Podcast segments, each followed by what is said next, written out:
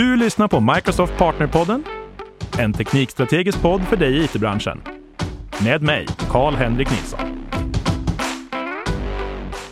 Hej och välkommen! Idag talar vi med Magnus Haglund. Magnus har en IT-karriär som sträcker sig tillbaka till den tiden man kunde köpa en CD-skiva med Red Hot Chili Peppers eller Michael Bolton och fortfarande vara cool. Han har tidigare varit en Microsoft MVP inom Windows Devices for IT och Surface, men arbetar sedan 2016 hos oss på Microsoft i en specialistroll kring Modern Work. Välkommen! Tack, härligt. Du har ju pratat väldigt länge om säkerhet. Ja, jag har haft ynnesten att jobba med säkerhet jättelänge. Så 2016 kom jag ombord och då gick jag in i det vi kallar för Windows-teamet, där vi började bygga säkerhet på ett sätt som Microsoft kanske inte hade gjort traditionellt. Tycker du att vi har börjat prata mer om säkerhet nu? Än, eller har det blivit viktigare? Jag tror att säkerhet har blivit ett mer aktuellt ämne, inte minst med det som sker i omvärlden. Vi, vi pratar om drönare över kärnkraftverk eller vi pratar om, om truppförflyttningar eller, eller kriser i samhället, eh, händelser i närområdena. IT-säkerhetsdelen har funnits med, med, hela tiden. Den har blivit mer aktuell nu. Jag upplever att den är på väg upp i organisationen, lämnar teknikdelen och går upp som en del av hela verksamheten. Jag, jag tycker också att jag, jag delar liksom din bild av det här. För jag ser också att de C-level management-personer som jag pratar om har fått en helt annan inblick i vad säkerhet gäller. Vad tror du att det beror på att man har fått den här förändringen? Är det bara att det, blir, att det syns mer i media eller? Det är väl mycket mer påtagligt på alla sätt. Eh, vi lever med det vi kallar för digitalisering, där vi automatiserar, vi går från manuella processer till, till non-maskindrivna processer. I det här så kommer cyber in som en naturlig del och i cyber så finns det en del som handlar om just säkerhet. Och jag tror att vi under en ganska lång tid nu levt med antingen digitalisering, produktivitet eller säkerhet. Nu når de till samma papper hos de här C-level som du nämner. Jag har ju rört mig i Microsoft-sfären i många år, men jag ser även att på Microsoft, då har man ju också tagit på sig en, en lite större ytterrock när det kommer till det här med säkerhet. Att man, man pratar mer om det och man Tittar man tillbaka 5-10 år så var det inte alls samma, samma, samma svansföring kring säkerhet och den dialogen. Nej, jag skulle säga att vi, vi kommer ur ett, att vi har tillverkat programvara, licenser, vi licensierat ut det till användarna eller till kunderna. Eh, jag har kört med rätten att starta Word eh, eller Excel eller någonting. Vi pratar fortfarande om licenser internt, men vi levererar ju de facto tjänster. Eh, så när du startar Word eller Excel så har, så har vi gjort ett grundarbete runt om bakom för att Word, Excel, makrot, bilagan ska vara säker. Det är väl den stora, stora förändringen när vi går mot molntjänster, när vi går från det traditionella, vi gör saker var tredje, var femte, var sjätte år till att det är ett löpande. Eh, och det är inte bara för att vara elaka, eh, utan det är väldigt mycket för att kunna driva och täta och, och säkra. Jämför med din iPhone. Vad har du för uppdatering på den just nu?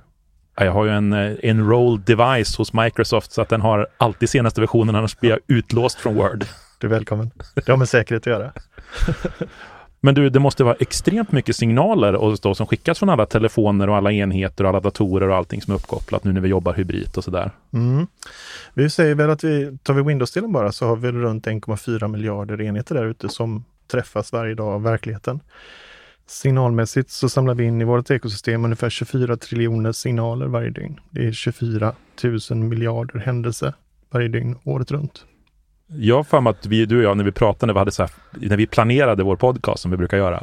Jag har för att du sa någonting att vi har stoppat över 3,5 miljarder mejl som innehöll skadlig kod. Eller var det 35 miljarder mejl som innehöll skadlig kod? Ja, det var 2021-siffrorna det. Ja. Så runt vad det känns så har vi fällt upp som ett paraply som skyddar. Det kan handla om e-posten eller klienterna, din enrollade enhet som du pratar om. Eh, och idén är att vi ska kunna hålla rent för slutanvändare så att hon kan vara där hon ska vara produktiv, läsa mejl, eh, spela Candy Crush, vad hon nu gör. För det där tycker jag själv är så otroligt viktigt att just att för att håller man inte, om det inte är enkelt att vara säker, då kommer man jobba sig runt säkerheten. Ja. Ja men absolut. Så eh, ska vi dra lite siffror då? Så jag tror att vi landade på ungefär 9,6 miljarder hot som var riktade mot klienter, klientenheter under förra året som vi plockade bort. Det är det vi kallar för vår security graph. Eh, och förenklat så går det till så att vi ser någonting eller vi misstänker någonting. Eh, så vi identifierar det, vi klassificerar det och sen tar vi bort det. Och när vi tar beslut om att den här kodsnutten är skadlig så lägger vi ut det till de här 1,4 miljarderna Windows-enheterna. Vi lägger den till Office Online, vi lägger den till SharePoint, till Teams och tjänsterna. Vi hade väl 25 miljarder försök till kontokapning, brute force-attacker eller liknande. eh, mot företagsanvändare och vi hade väl 30, vad sa du, 30?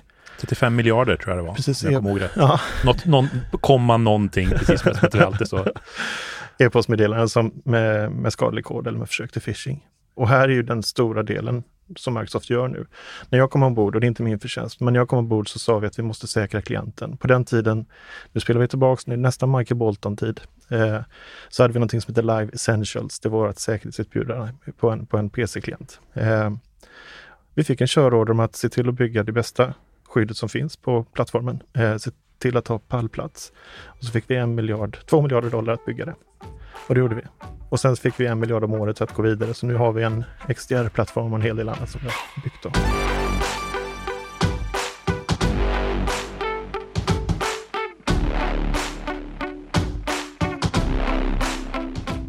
Men det är okej, det är Microsofts, det vi håller på med just nu. Mm. Om vi, om vi liksom zoomar ner lite grann och så tittar vi på, på veckan, eller på dagens gäst här då, Magnus. Vad, vad fokuserar du på? Vi pratar om mig, vad roligt. Eh, Så idag sitter jag som produktmarknadschef hos Microsoft Sverige och ansvarar då för det område som handlar om säkerhet, om efterlevnadsverktyg och identitetsverktyg i stort mot den kommersiella marknaden. När vi säger eh, säkerhet, efterlevnad och identitet, vad är det egentligen vi syftar på där? För jag tror att det är väldigt många som tittar på så här, säkerhet och identitet, det fattar man. Mm. Men det där ordet i mitten, efterlevnad, Mm. vad är det exakt vi menar med det? Det finns ett antal ramverk som vi behöver upprätthålla eller eh, hedra. Eh, vi kan prata om offentlighets och sekretesslagstiftningen eller säkerhetsskyddslagstiftningen. Och, eh, det finns ett, ett mängd information, sätt att vi ska hantera information. Och, eh, i det här då så, så jobbar vi med verktyg eller verktygsstöd för att kunna klassificera information. Först identifiera om det finns någon personuppgift till exempel, kunna placera ett skydd på, eh, ta beslut kring om det ska säkerhetskopieras eller inte säkerhetskopieras, om det får lov att finnas på internet, om det får sändas i e-post som en e-postbilaga eller om vi kan dra det som ett, mail, eh, ett Teams-meddelande. Där går våra efterlevnadsverktyg in. Så en klassisk, eh, numera klassisk sedan 2018, uppgift hos en organisation, det är att svara på en Data Subject Request. Jag som invånare eller jag som kund ställer frågan till leverantören, kommunen, regionen. Vad har ni för uppgifter om mig? Och då ska man komma tillbaks till frågeställaren utan skäligt dröjsmål, tror jag det står i, lagstiftningen. Där har vi då, bygger vi istället verktyg som svarar på den frågan för frågeställaren. Så det som tidigare kanske har tagit två veckor eller två månader att samla in information från ett gängsystem, gör vi nu maskinellt och lyfter upp på två timmar istället. Jag antar att det är också det här som gör att när jag för in en personuppgift någonstans så får jag ett meddelande om att hej, du har skrivit in en personuppgift i det här Word-dokumentet. Och det är inte olagligt, Nej, men du bör göras medveten om det. Så att det, det är en väldigt stor del av efterlevnadsdelen, att, att awareness-delen, att vi pratar och kommunicerar med den som producerar informationen. jag tycker det är fantastiskt att jag får informationen. Jag vet precis i vilka dokument jag har de här sakerna och vilket datum jag måste ta bort dem allting. Ja. I love it. Men om vi, om vi fortsätter fokusera lite på dig då. Jag känner att man måste ju vara lite nyfiken på sin gäst. där. Vad, vad jobbar du med då? Liksom? Vad är dina uppgifter på Microsoft idag? I huvudsak tre stycken spår. Eh, dels jobbar jag med det du kallar för C-level förut, att jobba med led- att få upp säkerhetsdiskussionen på, på ledningsnivå, att få säkerhet och digitalisering på samma sida. Ganska mycket i samhället är polariserat. IT har haft ett, ett ensambestämmande över det där svåra. Vi behöver sudda bort det, vi behöver göra det till allmän egendom, eh, IT. Sen handlar det också om att utbilda, hitta människor som är beredda att specialisera sig inom området. Vi har en stor brist på nya rekryter, nya kandidater till branschen. Tittar vi på cybersec-området så saknar vi väl ungefär 16 000 personer på den svenska marknaden. Och sen så försöker jag lägga tid på att sprida de goda exemplen. När någon gör någonting bra, berätta om det. Har vi något riktigt bra exempel som du nyligen har tagit tag i? Det finns jättemånga goda exempel. I offentlig sektor som, eh, som jag har arbetat länge i har vi haft ett antal intrång som har varit eh, mediala, där kunderna har gjort fantastiska jobb.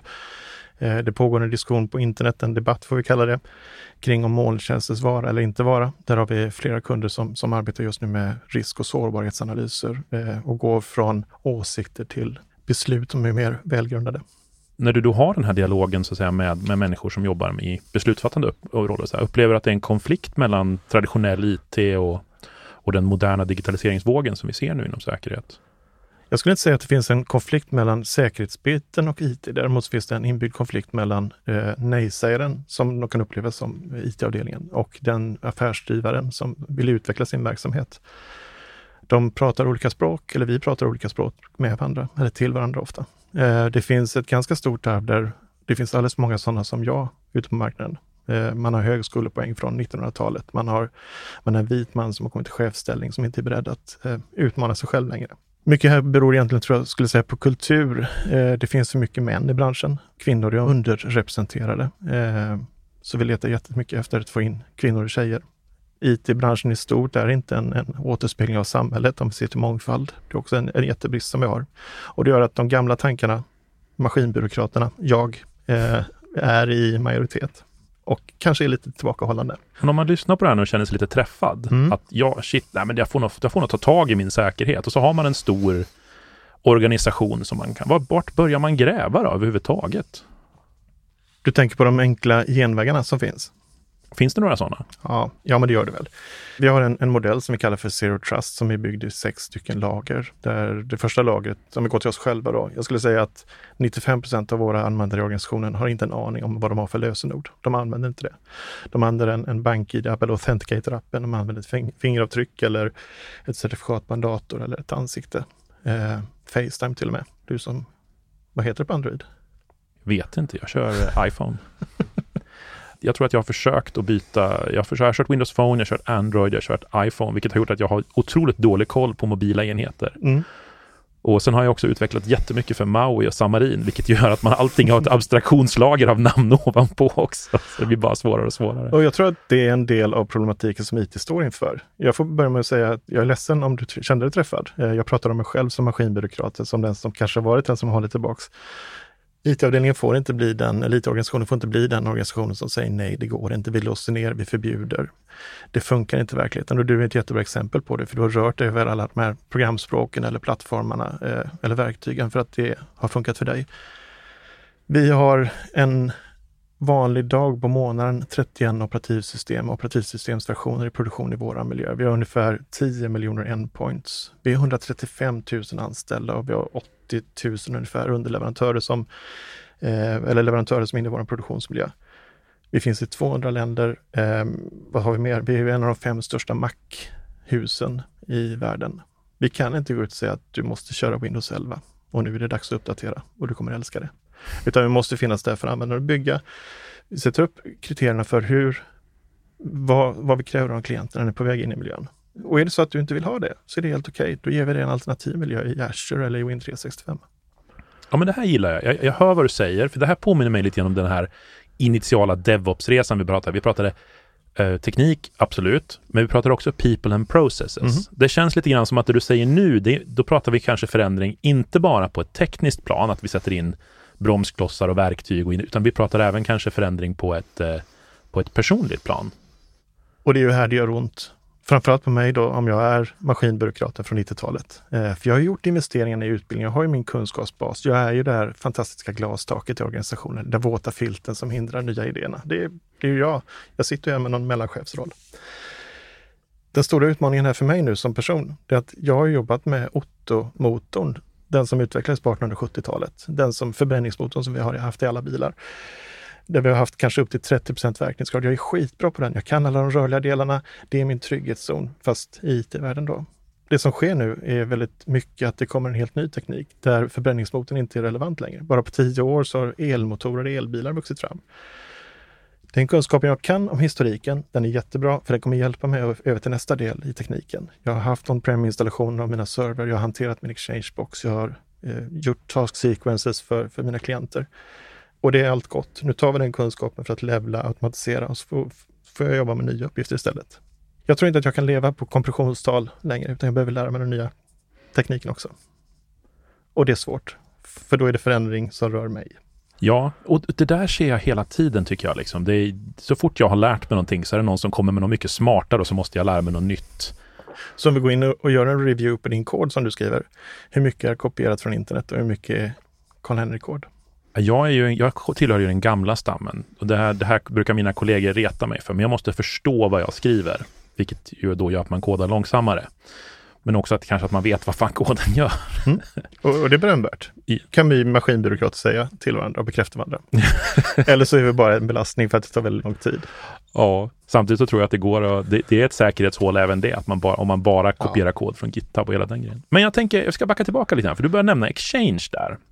Och det är ju ett litet laddat ord. I dagens debattklimat. Och så här, vi pratar, därför att Exchange går att köra on-prem och, och fristående, så men det är ju ganska tajt kopplat till Office 365, eller mm. Microsoft 365. Och det är ju en, det är en molntjänst.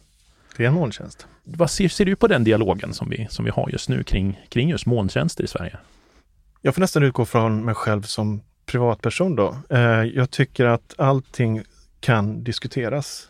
Så länge det finns en tydlig avsändare och det finns en grundläggande respekt för den man diskuterar med. Det handlar inte om att vinna utan det handlar om att föra ett samtal, föra det framåt.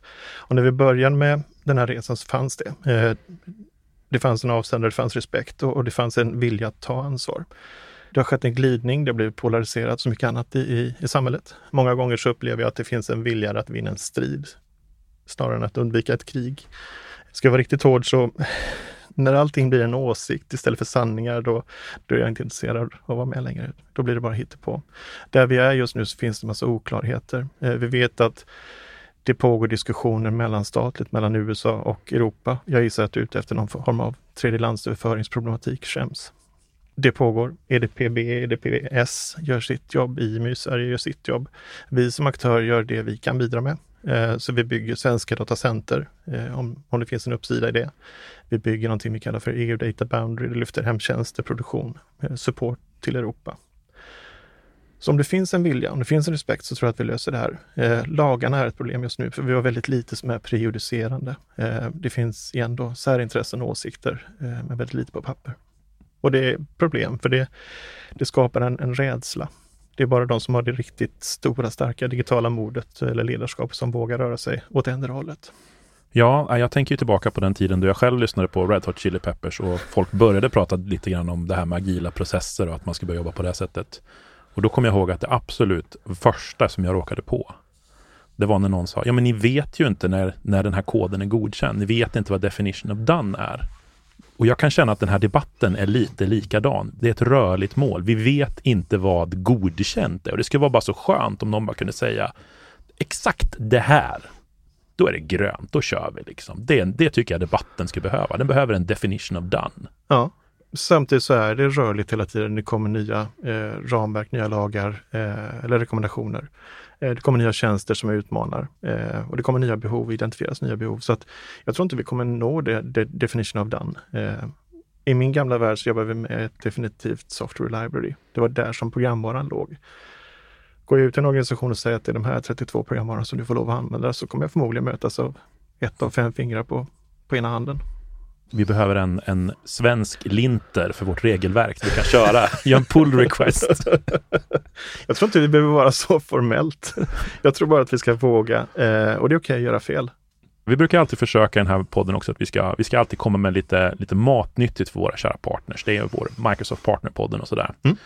Och du jobbar ju extremt mycket nära våra största kunder och även våra största partners och sådär. Vad ser du att det händer ute hos kunderna och vad kan våra partners kliva in och bidra med kring säkerhet?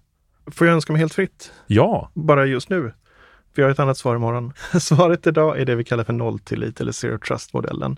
Börja jaga ut lösenorden så att de försvinner. Det är aldrig svårt efter en incident att få in en, en, en policy kring multifaktorautentisering. Det är alltid svårt innan. Börjar man hantera enheterna, ställ krav på enheterna. Möter de inte kraven så ger den alternativa vägen då. Win 365 eller VDI-lösning eller Azure eh, Virtual Desktop. Så att inte tekniken eller säkerheten blir ett hinder i produktionen. Jätteviktigt. Hitta sätt att hantera applikationerna och då kommer vi över lite grann i compliance-spåret. Så du har koll på vilken information som delas med ut en klient. Så när frågan kommer, när den bärbara datorn förlorades i taxin, i bussen, på båten, så vet vi vilka dokument som fanns där. Vilka av de dokumenten som kanske innehöll personuppgifter. På den krypterade hårddisken naturligtvis. Det blir så otroligt mycket enklare då. Då kan vi börja med att titta på att revokera rättigheter och minska dataläckage. Och sen nämnde du människor och processer. Människor, människor, människor, människor. Vi kan inte bygga säkerhet utan att ta med oss människorna och eh, det har vi väl, får vi säga att vi har lyckats ganska bra inom Microsoft med det. Det finns en awareness. Eh, vi är inte rädda, men vi är eh, sunt misstänksamma mot ett e-postmeddelande som kommer in. Jag tror att de allra flesta kunderna får en stämpel nu på inkommande e-post där det står externt. Och det står det som en uppmärksamhetssignal. Är du tveksam på det så klicka på rapportera-knappen. Hjälpte mig senast i morse. Du ser. Jag tror vi ska sitta ner eh, och köra Zero Trust tillsammans, för där, jag kan förlora mig i två timmar där och vi har bara 20 minuter på oss idag. Okej, okay, men, men det här, vi säger att nu bygger våra partners ett Zero Trust-erbjudande idag för att de ska vara med på båten, det som händer nu. Vad är det du ser i framtiden? Vad kommer våra partners kunna och behöva leverera då? Det kommer vara inom security och compliance och identity. För det är där jag är i min, i min vardag. Vi, vi, de investeringar vi gör nu är mer och eh, större av, av samma. Eh, vi kommunicerade i december att vi gör en investering i området på ungefär 20 miljarder dollar under fyra år. Eh, om vi översätter det fult så är det ungefär 200 miljarder kronor. Och det är en ansenlig summa. Så vi kommer göra mer med säkerhet, efterlevnad och identitet. Vi kommer driva på enkelhet, automatisering. Det är otroligt viktigt.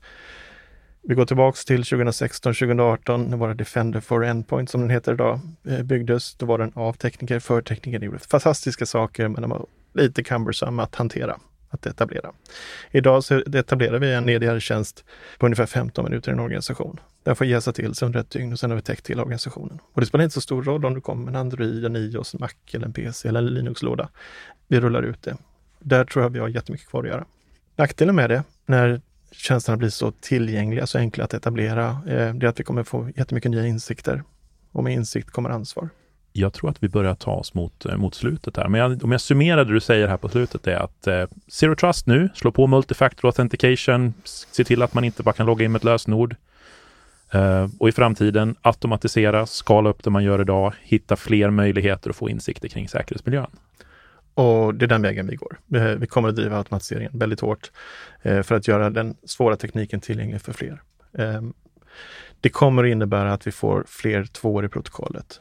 Jag får nästan alltid ett samtal från kund på kvällen när vi etablerat en Defender-tjänst. Eh, de ringer och säger, jag har jättemycket röda lampor Magnus, varför gjorde du det här? Tvåorna har funnits hela tiden, men nu är du medveten om dem. Tack så hemskt mycket för att du var med. Jag hoppas att folk slår på Microsoft Defender så att de får, får mer insikter. Tack för tålamodet. Du har lyssnat på Microsoft Partnerpodden med mig, Karl-Henrik Nilsson. Som vanligt hittar du information och resurser på aka.ms partnerpodden.